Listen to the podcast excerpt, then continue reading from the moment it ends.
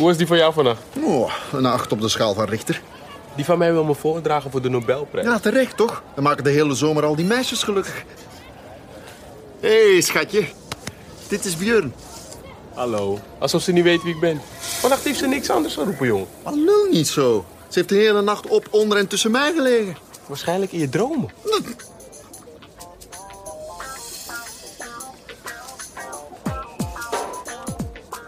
We hadden een vergelijkend warenonderzoek kunnen doen. Hebben we nog tijd?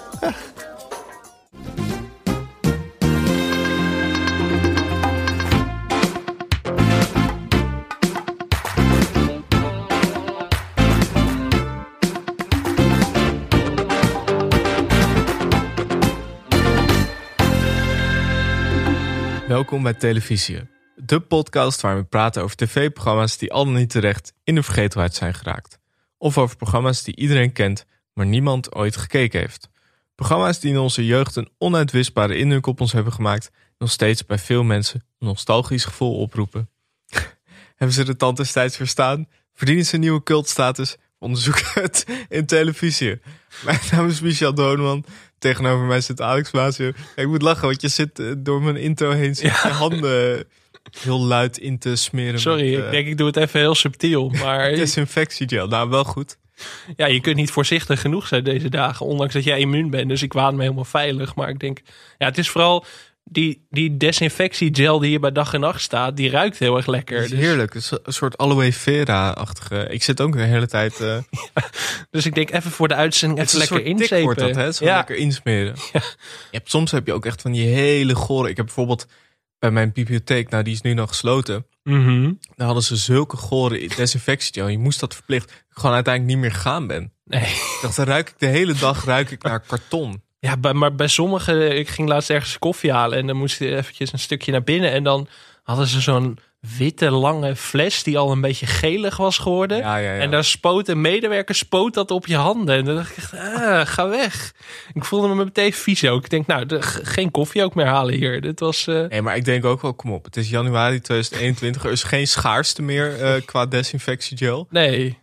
Nee, het is ongelooflijk. Maar deze is heel lekker. Dus, eh, nou ja, mocht je ook lekker Angel willen gaan podcast maken voor Dag en Nacht Media. Maar Misschien kunnen ze ons sponsoren. Deze, eh, hoe heet het? Yari Cleansing Handgel.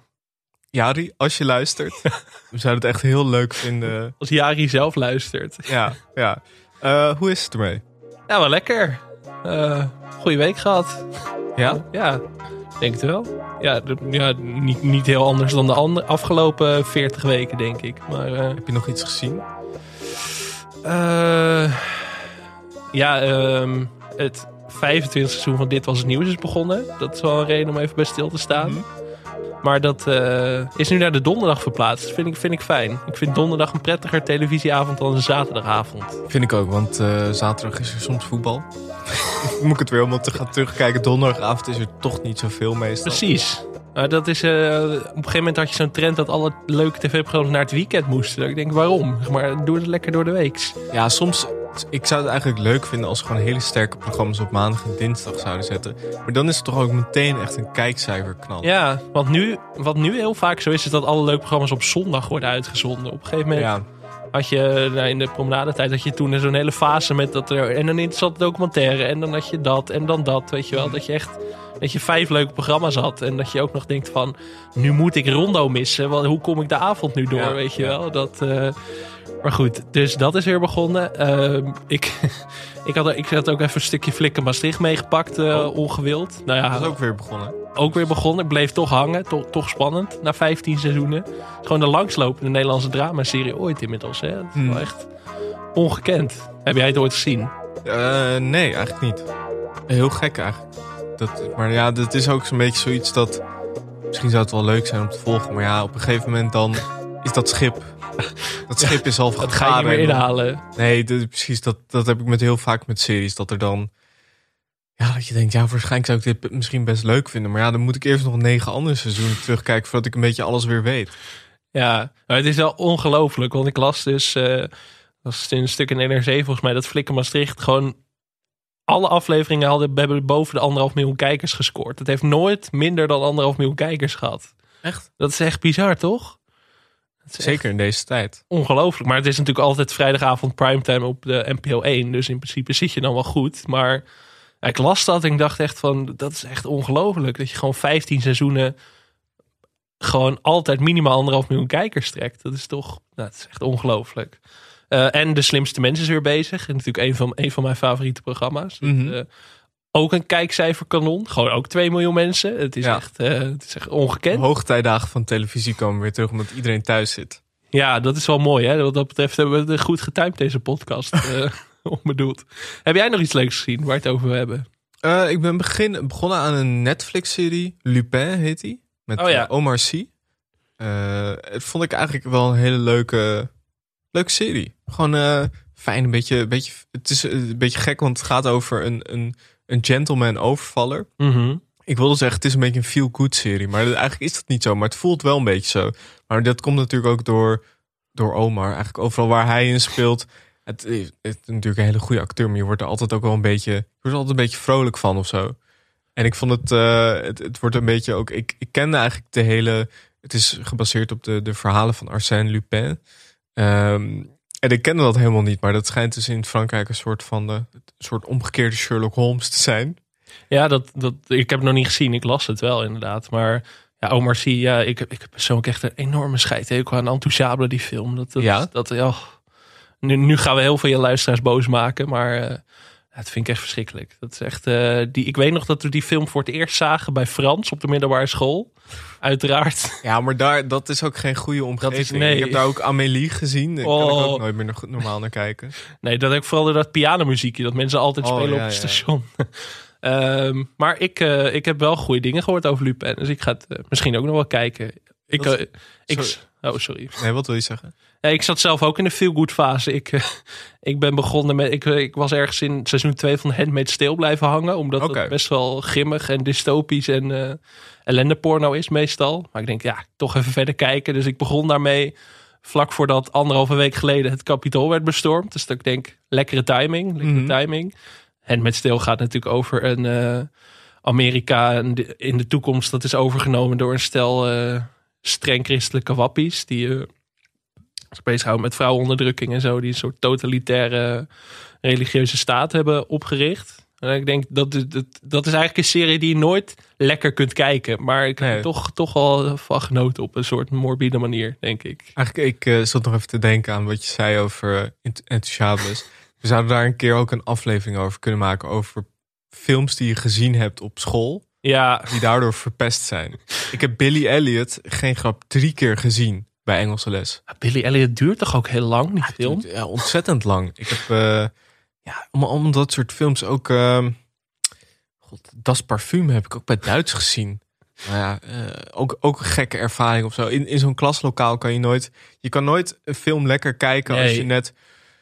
Gewoon je lerares hebt horen zeggen... Je voudrais baguette, aui, aui. En dan daar ga je door naar een film. Dat is geen goede omgeving. Nee, maar hetzelfde. Wij hebben Schindler's List gingen wij kijken in Ja, drie delen bij ook. geschiedenis. Maar dan doe je dat met een klas vol hitsige pubers. Ga je eh, Schindler's List zitten kijken. Dat werkt toch niet? Heel gek. Eh, die maakte wel alsnog indruk. Ik dacht, Ja. als ik dit in een bioscoop had gezien, dan... eh, Ik, ik weet ook nog wel ooit een invaldocent voor Engels. En die liet ons zelf de film kiezen. Dat is echt, dat is echt de grootste fout die je als docent kunt maken. Dus toen, daar heb ik voor het eerst Borat gezien. Die heeft de docent uiteindelijk heeft ze na een half uur, naar DVD was het al wel, denk ik, geen videobanden meer. Die heeft ze gewoon, eh, die heeft ze gewoon stopgezet toen. Omdat ze Nee, ik, heb dit, ik heb dit ook een keer gehad op de, op de middelbare school. Toen mochten wij ook een film kiezen. En ik had eh, samen met een vriend gehoord over Hall Pass. Ja, ja, ja. Comedy. En eh, wij zeiden, nou, dat, dat is wel leuk om te kijken. Nou, toen gingen we dat kijken. en het was een wat oudere docent die erbij zat. En die zei na ongeveer 20 minuten... Nou, ik vind dit geen leuk. ik vind dit geen leuk film. Toen kwam er een naakte man in beeld. Zei ze, nou, moet dit nou? Nu wil ik Moet dit nou? doorkijken. Nee, nee. Oh, en ik zat me er zo te schamen. En iedereen zat naar mij te kijken van, wat heb je uitgekozen? Niemand durfde meer te lachen, omdat die vrouw er heet doorheen zat te praten. Ja, dit vind ik geen stijl. Dit vind ik niet kunnen. Jongens, alsjeblieft, alsjeblieft. Maar ja, ik kan, ja, sowieso als je puberjongens een film laat kiezen. Nee, dat is We hebben daar zo ook een keer American Pie gezien. Bijvoorbeeld op de middelbare school. Dat je denkt, welke docent... Dat weet ik niet meer. Verzorging. Nee, dat is, dat is dan echt zo'n ding dat je een invaldocent hebt die gewoon zich er makkelijk vanaf wil maken en een soort educatieve film wil kiezen, maar Ja. dan geen verstand van films heeft en dan zegt American Pie, hm, een studie over eh, hmm, ja, eh, opstandige kinderen of opstandige adolescenten, weet ik veel. Dan gewoon, ja, doe maar. En dan, dan na twintig minuten tot de conclusie komen dat het niet zo'n film is. En dan, ja, dan met het schaamrood op de kaken dat afzetten als docent. Maar zo heb ik veel films inderdaad gezien die je helemaal niet moet kijken op de middelbare school. Maar het is eh, het, het kerkhof voor films eh, eigenlijk. Ik heb Schindler's List ook nooit meer gezien na die keer op de middelbare school eigenlijk. ook niet. Ook niet. Ook niet echt behoefte aan. Over, nee.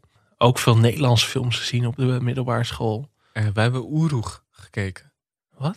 Oeroeg? Dat zegt me echt helemaal niks. Hé, hey, heb je dat boek niet moeten lezen? Oh, Oeroeg. Ja, dat boek. Daar is ook een eh, film Is van. daar een film van? Ja, nou, als je denkt dat het eh, boek saai is. nou, Zo zit je hele hazen gewoon onder de bus te gooien hier. nee, ja, sorry. Dat was niet mijn...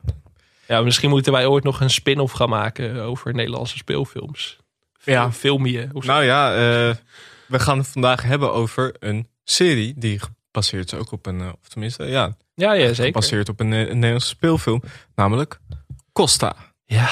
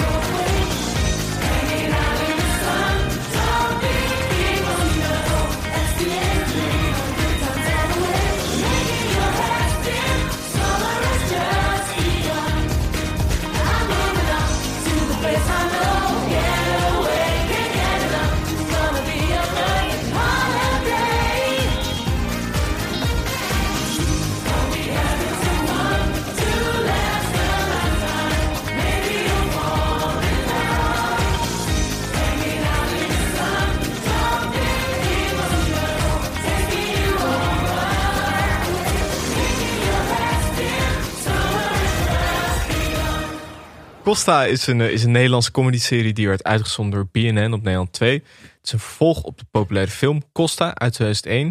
De serie volgt de levens van de proppers van een van de beste clubs in Salau. Ehm, de serie begon dus als een vervolg op de film.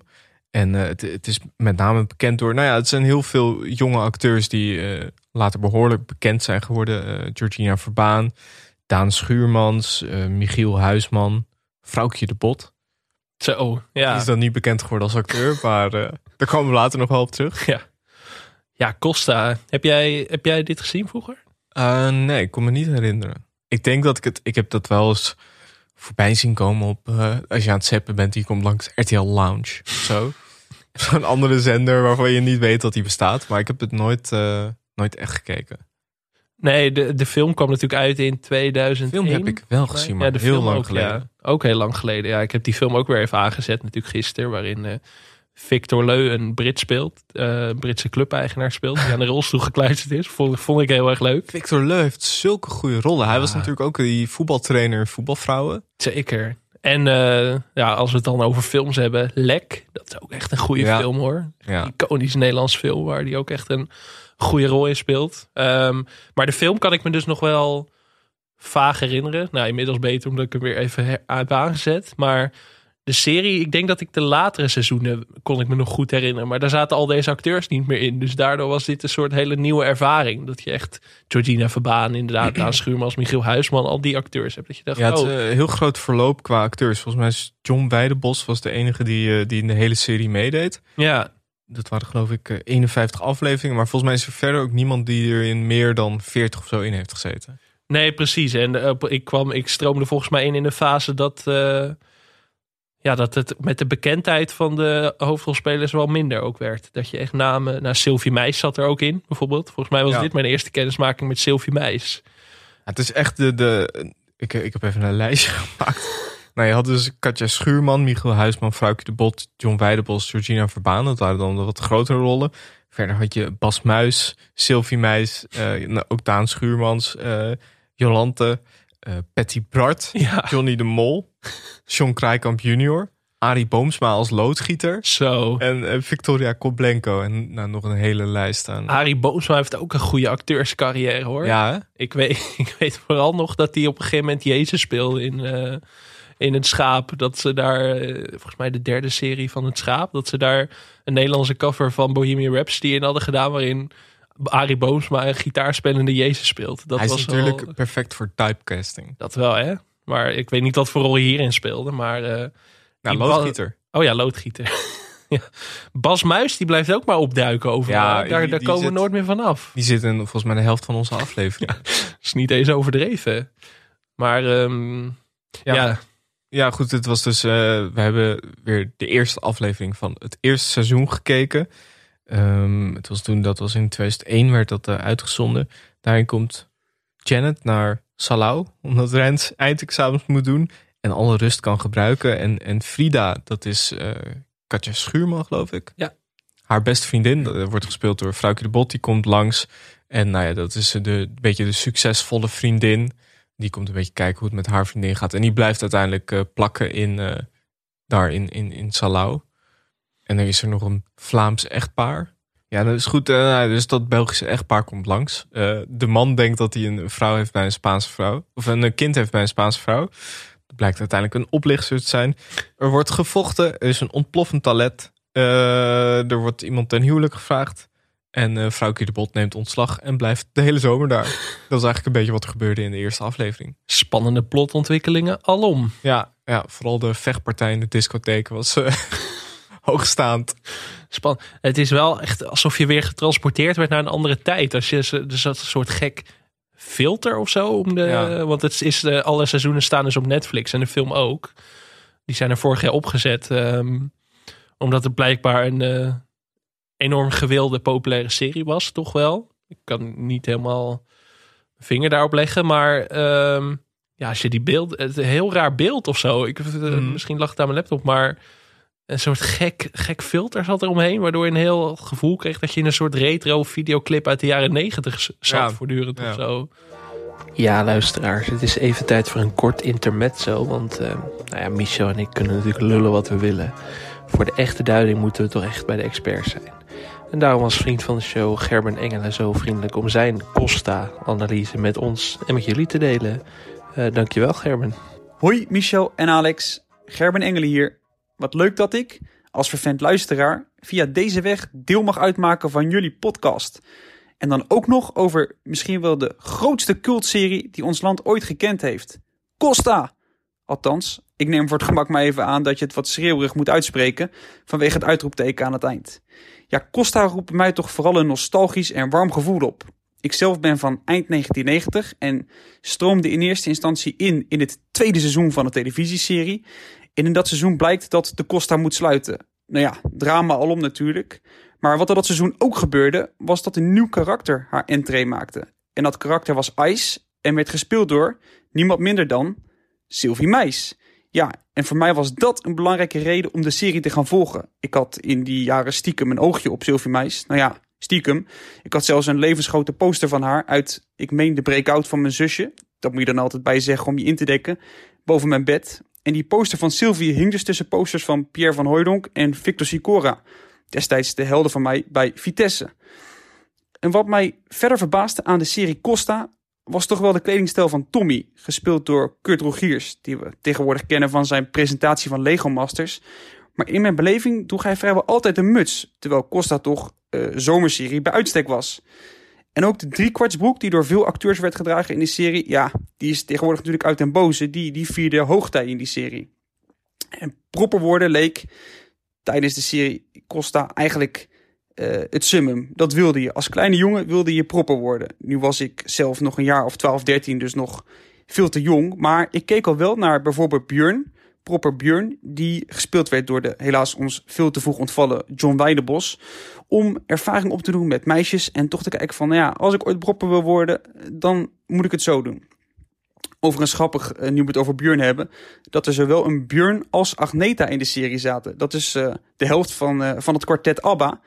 Ongetwijfeld eh, over nagedacht door regisseur Johan Nijhuis, die een, eh, een enorme liefde heeft voor het Songfestival. Ja, wat mij verder trouwens opvalt, is dat het eigenlijk, en dan moet je maar eens opletten, dat het vrijwel altijd waait als de strandscènes worden opgenomen. Eh, en ik heb ooit begrepen dat dat komt omdat de opnames van Costa altijd plaatsvonden in het najaar. Dus eigenlijk als de bubs, jongeren en feestvierders weg was eh, en de oudjes weer terugkwamen om te overwinteren, dan vonden de opnames van Costa plaats. Dus vandaar dat het eigenlijk altijd eh, behoorlijk hard aan het waaien was. En ook de, de scènes in het water bleken geen pretje te zijn voor de acteurs. Maar al met al was Costa een serie die, ja, als we eerlijk zijn, zowel letterlijk als figuurlijk niet heel veel om het lijf had. Er, er werd wel gepoogd om wat maatschappelijke thema's aan te stippen. Maar je keek toch vooral voor Sylvie Meis, voor Katja Schuurman, voor Vrouwtje de Bot. En voor een aantal acteurs was Costa bovendien een mooi opstapje naar een glansrijke acteercarrière. Denk aan Michiel Huisman, dat is natuurlijk het beste voorbeeld nu, gevierd acteur over de plas. Als ik jullie en de luisteraars een advies mag geven, ga als je het even niet meer ziet zitten op een van de vele deprimerende dagen die nog zullen volgen tot het voorjaar aanbreekt, naar Netflix en zet Costa op. En voor je het weet, schijnt de zon weer in je kamer. Veel plezier, groeten van Gerben. Wat, eh, wat, wat vond jij ervan? Ik vond het wel, eh, wel oké. Ik had niet helemaal dat ik... Ik vond het eigenlijk vooral leuk om de acteurs weer terug Ja. te zien. Dat ik dacht, oh, dat is wel, dat is wel grappig om Michiel Huisman zo jong te zien. Daan Schuurmans ook, maar die herken ik eigenlijk bijna niet. Eh, dat, dat vond ik wel heel leuk. Ja, het is niet dat ik dacht, ik zit eh, aan de laptop gekluisterd. Jij wil niet alle vier seizoenen meteen gaan bingen. eh. Nee, dat, dat niet per se. Ehm, het was ook wel een beetje. De, de hand van Johan Nijenhuis was natuurlijk wel eh, vrij, vrij duidelijk in beeld. Maar ik, nou, het, het was vermakelijk op zich. Het was onderhoudend. Zeker. En wat we eerder ook al besproken hebben, zijn er bijna. Ik kreeg wel weer zin om op vakantie te gaan. Ja, dat wel. Ja, Ja. het was wel. Het is wel lekker. Het is wel lekker vrolijk. Zeker met deze koude winterdagen. Dat je gewoon een beetje lekkere muziek hebt. En eh, veel, veel strand. Onbezorgd escapisme is het eigenlijk, toch? Ja, zeker. Van. Maar jij noemt net de naam van Johan Nijhuis. In die zin is dit natuurlijk wel... Ja, zeker de film is het wel een cultureel fenomeen... waarvan de impact niet onderschat moet worden. Want Mhm. nou ja, Johan Nijhuis is natuurlijk... eh, Costa was volgens mij zijn debuutfilm. Even checken. Ja. Maar goed, Johan Nijhuis, als je zijn cv bekijkt als regisseur Costa, Volle Maan, de Zoepfilms. Waar we het ook wel een keer over moeten hebben, over Zoep. verliefd op Ibiza natuurlijk. Dat was, eh, dat wordt dan gezegd, thematisch een vervolg op eh, de Mhm. films Costa en Volma. Heb je dat gezien, Verliefd op Ibiza? Zeker. Die is goed. Die, ja, die- Oh. Alleen daarom zou ik eigenlijk al een spin-off over films willen. Want dat is toch ook dat Simone Kleinsma en Jim Bakken ineens een affaire hebben. ja, en dat is met Rick Engelkes die Ja, eh, ja. neervalt. Dat was een fantastische scène. Rick Engelkes is ook een grote speler. Ja. Eh, die zat er volgens mij ook, die duikt ook op in Costa op een gegeven moment. Ja, ja klopt. En eh, ja, Toscaanse bruiloft, Rokjesdag, Onze Jongens, Gek van Geluk, Onze Jongens in Miami, Verliefd op Cuba. Ik bedoel, de bijdrage aan de Nederlandse filmkanon is natuurlijk ongeëvenaard. Maar Wel echt in bijna al die films zit Jim Bakken ook. ja, idee ook in Onze Jongens natuurlijk. ja, ik zie Jim Bakken ook niet zo snel in een arthouse film opduiken of zo. Nee, dat, nee. eh, of dat hij in Penosa ineens een gangster zou spelen of zo. Dat zie ik ook niet helemaal voor me. Jammer eigenlijk. Ja, het is wel een leuk experiment. Dat je gewoon ineens hem in een totaal andere rol ziet of zo. Ik zou Jim Bakken wel een keer met zo'n snor en zo'n zonnebril willen zien. In een soort van, die een doodstil speelt of zo. Ja, als daar een tweede seizoen van komt, dat ze hem als de, als de villain cast of Ja. zo. Een leuk experiment. Dat, eh, Jim Bakken als de bad guy. Ik zou het graag een keer willen zien. Ja, want nu wordt hij altijd gecast als ideale schoonzoon. eh, de knappe, eh, nou ja, voor de Ladies Night eigenlijk vooral. Ja. Hij is eigenlijk het Ladies Night vehikel van Nederland. Ladies Night is altijd veel met Jim Bakken. Ja. Maar goed, Jan Nijhuis, zeg maar, de Costa was natuurlijk zijn grote doorbraak. was een enorm succes, die film. Volgens mij 1 miljoen bezoekers. Ja, en daar volgde dus de tv-serie uit. En, eh, en de film eh, Pista. Pista kwam later ook nog. Oh ja, dat was, dat was dan eh, met een wintervakantie, toch? Ja, met dezelfde cast ook, grotendeels. Georgina Verbaan onder meer en Vrouwtje de Bot. Ik vind het wel grappig om dat nu terug te zien hoor. Je zou toch niet verwachten dat Michiel Huisman zo'n international... Want het is zo leuk omdat het allemaal best ver afstaat van wat ze nu doen. Ja, Ja, Vrouwtje de Bot die presenteert tegenwoordig Eigen Huis en Tuin, Lekker Leven. Dat is de complete titel. is toch niet, niet zoals de echte eigen huis en tuin. hoor. Ik ben nog Nee, steeds boos dat dat nee. gestopt is. Nee, vind ik ook jammer. Ik, ik mis eh, Lodewijk en, Ja. eh, en die Timmerman. Ehm, maar, maar ja, Michael Huisman. Ja, je hebt bijvoorbeeld bij eh, Katja Schuurman, die acteert helemaal niet heel veel meer. Ja, ze zat twee jaar geleden in zo'n serie Vlucht, Vlucht, Vlucht H13, Vlucht H13 Oh ja, ja, ja, ja of zo. klopt. Niet een heel geslaagde serie, maar dat ging over haar man. Die was eh gecrashed in een vliegtuigongeluk volgens mij. Ja, gespeeld door Daniel Bassevin, als ik me goed herinner. Nee, Jeroen Spitsenberger. Oh, huh? Of nee, dat was iemand anders. Sorry, je hebt gelijk. Nee, oké. Ik zit je gewoon vals te factchecken hier. ik zag de poster en ik zag Jeroen Spitsenberger. Ik denk, dit, dit kan niet kloppen. Bijvoorbeeld bij Georgina Verbaan, een beetje haar laatste grote rol is natuurlijk van Clem. Ook een, een heel ander soort rol dan dit. Dus daarom vind ik het wel grappig dat er zoveel acteurs hier een beetje begonnen zijn. Ja, het zijn vooral veel acteurs die een soort van uit de soapie-wereld kwamen. Jordina Verbaan begon natuurlijk in goede tijden, slechte tijden. Katja Schuurman ook. En dit was eigenlijk hun eerste stap. Nou, Costa zit eigenlijk tussen soap en dramaserie in, denk ik, een beetje. Nog iets En een naar de beetje soapkant. richting comedy ook. Ja, dat Want er is wel. een ontploffend toilet. Ja, dat was heel grappig. Voor de comic relief. Maar dat is wel inderdaad het mooiste om te zien. Dat zo'n Georgina Verbaan, die heeft nu wel echt een serieuze acteers, acteercarrière. Die heeft volgens mij Mhm. twee gouden kalveren gewonnen inmiddels. En eigenlijk vanaf dat zij in het schaap opdook, heeft zij zich best wel bewezen als gewoon nou, bijna een soort character actress, toch? Ja. Zou ik bijna willen zeggen. Ja, zeker. Bedoel, ze zat natuurlijk ook in de marathon, waarin ze echt een hele goede rol speelde. Hele goede film trouwens. Zeker, Al- Altijd de moeite zeker. waard om te tippen. En natuurlijk Clem, wat jij al zei. En Michiel Huisman, die nu inderdaad te groot is eigenlijk voor Nederland. Ik ben heel benieuwd hoe zij hier nou op terug zouden blikken. Dat zo Michiel Huisman dit in zijn, zijn, eh, zijn casting reel zet. Als hij gaat, eh, opgaat voor een nieuwe serie of film. Ja, dat vraag ik me ook al. Ik denk dat het, eh, nou ja, een beetje als een soort, nou, niet als een jeugdzonde, maar ik denk dat ze wel ook een beetje, nou ja, goed, met, met nostalgie eh, misschien terugkijken. Ja, denk, ja, maar wel in de eigen kring. Ik denk niet dat hij dit op zijn cv zou zetten. Nee, nee, nee, dat denk, dat denk ik ook. Dat hij bij zijn Game of Thrones casting met Costa, met fragmenten uit Costa kwam aanzetten. Maar ik moet wel zeggen, het is wel zo lang geleden dat ik sommige echt onherkenbaar vond. Ja, Vooral bij de, bij de mannen nog wat meer dan eh, bij de vrouwelijke acteurs. Maar ik vond, ja, ik zei het al net, Daan Schuurmans, die herken ik echt na- bijna niet terug. nee. Dat dit nu zo'n ander, andere acteur is eigenlijk. Ja, Daan Schuurmans is nu een beetje... eh, Nou ja, hij, hij is net niet de Barry Atsma qua, eh, qua exposure. Maar als je ziet waar Daan Schuurmans allemaal in speelt... dat is ook ongekend. Ja, Dat is eigenlijk, zeg maar... Wat Johan Nijhuis als regisseur is, dat is Daan Schuurmans. Nou ja, is dat een goede vergelijking? Weet ik eigenlijk niet. ja Daan Schuurmans is de laatste tijd ook wel wat meer van het serieuzere. Precies. Natuurlijk ook in Mokro Mafia had hij een rol. Ja, dat ook weer begint natuurlijk binnenkort. Maar Ja. eh, Heel leuk. Eh, ja, Daan Schuurmans, Vliegende Hollanders, zat hij natuurlijk vorig jaar ook in. Dus die, eh, die zal hier ook niet per se met... eh, 4,6 op IMDb ook, zag ik. Dus misschien is dat ook niet helemaal de aanbeveling die, je die je wil.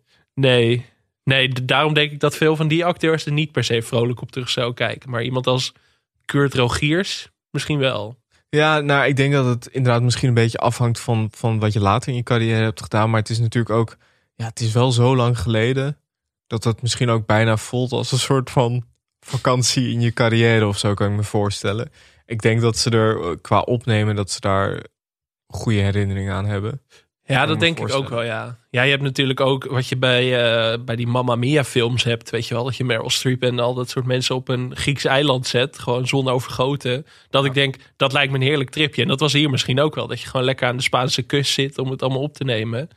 Ben jij wel eens op zo'n eh, Costa-achtige vakantie geweest? Ja, ik, ik wilde deze vraag ook aan jou stellen. Maar ik ben, eh het was 2013, toen was ik 18 volgens mij. Eh, toen ben ik inderdaad met een stel vrienden naar Jorette Mar geweest. Zo, Eh, was dat? Ja, intens. Heel intens. Dat is echt... Als je er nu op terugkijkt, dat je denkt, hoe overleef je dat soort dingen? We hebben volgens mij... We waren er ook twaalf dagen of zo. Veel te lang. We hadden het gewoon bij een weekje moeten houden. We hebben elke dag volgens mij als avondeten knakworst gegeten.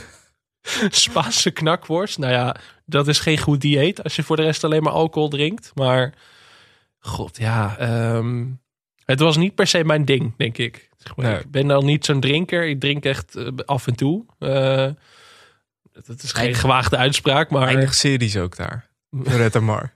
heilige films te kijken, toch? Ja, je moet het sociaal doen en zo. Het is een soort, Ja. soort Big Brother bijna. Dat je, nee, nee, ja, je ligt een beetje op het strand de hele dag en dan s'avonds ga je, ga je naar de club. Ja. Maar ja, als vier, achttienjarige jongens, zeg maar, jongens zijn vaak wat minder ver in hun ontwikkeling. Dus dan ben je eigenlijk nog 14, 15. Dus dan, ja. Ja, met de dames ging het dan ook nog niet, weet je wel, eh, van een leien dakje. Dus nee, het was ehm, ja, intens vooral. Dat is het woord wat er zeven jaar later is blijven hangen. ja. Ben jij op zo'n vakantie geweest? Nee, eigenlijk niet. Ik ben wel, eh, toen, we, toen ik 17 was, eh, zijn we met de middelbare school naar Barcelona gegaan. Zo. Dat was wel een beetje qua gevoel hetzelfde. Wat ik me vooral nog daarvan herinner was dat er een jongen eh, van het stapelbed af had gekotst. nou, dat is goor. Gewoon dat kletterende geluid. Nou, ja. Eh, maar lag jij eronder? Nee, gelukkig. Ik Oh. lag er tegenover. Dat was ook Oh. best. Maar goed, dat, dat, eh, daar moest ik er wel een beetje aan denken toen, toen ik naar Costa keek. Nee, dat had ik dus ook. Dat die vakantie naar Joret gewoon weer helemaal terugkwam of zo. En dan met z'n vier in zo'n zweterig hotelletje liggen en Oh, zo. ja. Ik dacht, ah, echt, dan, je gaat bijna de lockdown herwaarderen als je daar aan terug weer denkt. Ja. Maar ja, ook, ook die proppers en zo. Dat eh, natuurlijk ook, een, eh, ook bijzonder. Dat herken je ook wel in Joret de Mar. Dat je echt, eh, nou ja... Als jongen werd je dan vooral gelokt met... nou ja, waarmee eigenlijk? Met gratis drankjes en zo. Maar Strand. met strand, ja. ja. Nee, het is echt... eh, Maar ik, je gaat dat toch weer in perspectief zien. Omdat je nu een jaar binnen zit en niks mag bijna. Dat je toch denkt... Nou, misschien als het weer mag ooit... Dat ik het toch weer zou willen doen. Dat we toch bijna missen. Je gaat het toch bijna missen. Ik denk dat ik het nu niet zou overleven om een week op knakworst te leven. Maar. Die altijd alles prima voor elkaar heeft en altijd goede keuzes maakt. Ging in Salau wonen of all places. Ja, begrijp jij natuurlijk niet, hè? Ik vind het hier afschuwelijk. Ik vond ja. Toen ik hier naartoe kwam. Het klinkt misschien kinderachtig hoor, maar ondanks dat domme baantje van je en het afgrijzelijke appartement. ben jij in ieder geval wel gelukkig.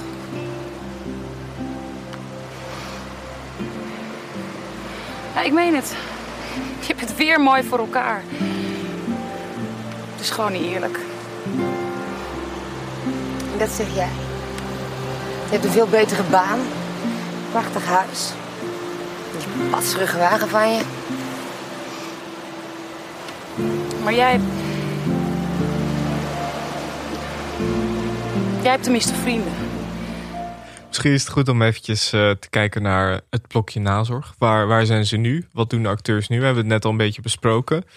Ehm, nou ja, eigenlijk de, de, de man die als enige acteur de gehele serie meedeed, John Weidenbos, die is in eh, 2017 overleden bij een, eh, bij een auto-ongeluk. ja, tragisch, ja. Ja, en ehm, ja, dat, is inderdaad, dat is met die wetenschap is het ook gek om, om dat dan terug te zien of zo, Costa. Ja, hè?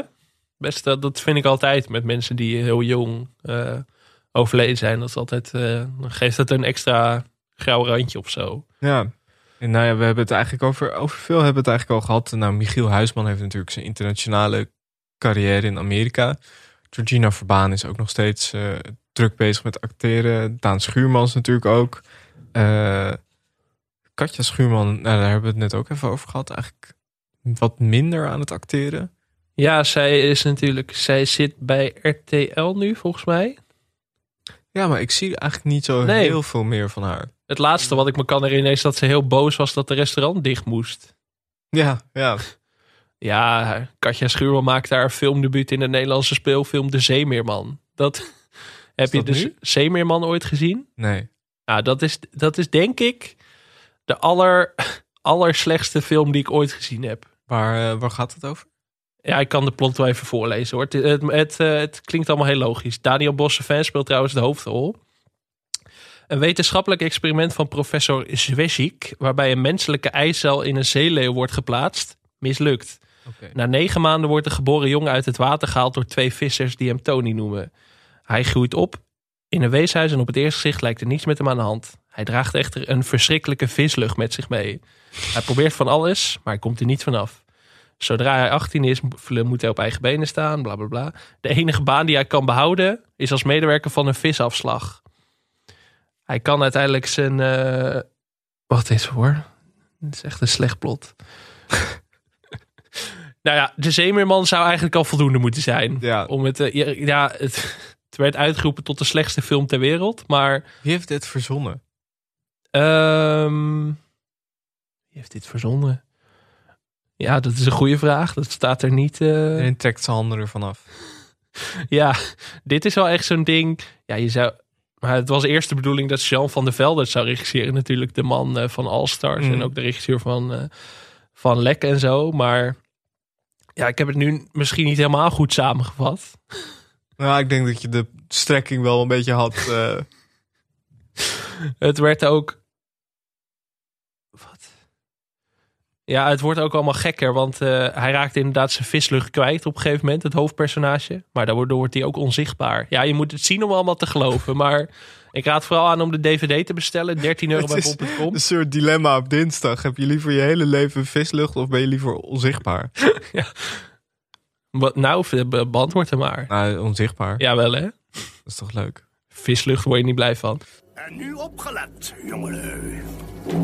Stap voor stap gaan wij de genetische code van deze twee menselijke basiselementen met mijn revolutionaire experiment zo'n 500 miljoen jaar terugvoeren. Terug naar het tijdperk van de aminozuren, de zware metalen en de visachtigen. Nu moeten wij tien korrels van deze oeroude katalysator aan ons experiment toevoegen. Er komt een compleet lege professor aangestoken. Rustig, Henk, dicht, dicht, stond daar. Rustig, doe in godsnaam rustig. Professor! Oh god! Pak die ijsel, red het experiment. Ja, kom op nou. Ik raad iedereen aan om die film te gaan, eh, te gaan kijken. Jou ook eigenlijk wel. God, wat een dingen zijn er toch gemaakt in Nederland. Hè? Het is ongelooflijk, hè? Echt eh, prachtig. Maar ik, hoe kwamen we hier in godsnaam hierop? Eh, Katja Schuurman. Ja, Katja Schuurman maakt haar filmdebuut in deze film. Zo, er staan ook namen op die lijst die aan deze film hebben meegewerkt. Huub Stapel, Tjitske Reidinga, Joke Bruis, Roel Vraaggas, Roland Fernhout. Ik denk dat al deze mensen niet vrolijk Oh, dit is terugkijken. best wel een goede kast. Ja. Oh, wat een film. Wat een film. Maar goed, eh, ja, Katja Schuurman, eh, nee, acteren, behalve die serie Vlucht HS13, doet ze niet echt eh, veel meer, denk ik. Kerst bij Koosje zat ze vorig jaar in. Ja, nou, dat, dat heb ik niet gezien. Dus ik ook nee, niet. Ik, nee, oké. Ja, misschien ook even goed om te bespreken. Heeft dit de Tante Tijds doorstaan? Nou ja, ehm, ik las dus dat er een eh, vervolg geschreven is op Costa, op de film. Dan, althans, eh, door John Carthouse, die bekend is van Zoep ook. En ook later eh, films als, wat heeft hij gemaakt? Belladonna's volgens mij. Die film ook met, met Manuel Broekman en Gijs Naper. Ik ben de naam even Homies, ja. Homies, ja. Ook een hoogtepunt in de Nederlandse filmgeschiedenis. Maar die is dus geschreven door John Carthouse en Diederik Jekel. Wat? Ja, ja dit, dit bommetje wilde ik even droppen. Dat zijn eh, beste vrienden, Diederik Jekel en John Carthouse. En die hebben samen een vervolg op Costa geschreven. Wauw. In maart 2020 is het afgerond.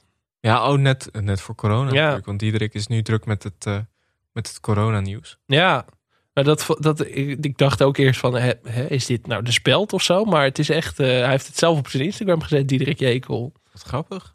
Maar goed, het is dus de vraag of dat er gaat komen en of eh, Johan Nijhuis er weer bij betrokken is. Ik weet het eigenlijk niet. Ja, zitten we daarop te wachten op een nieuwe Costa-film?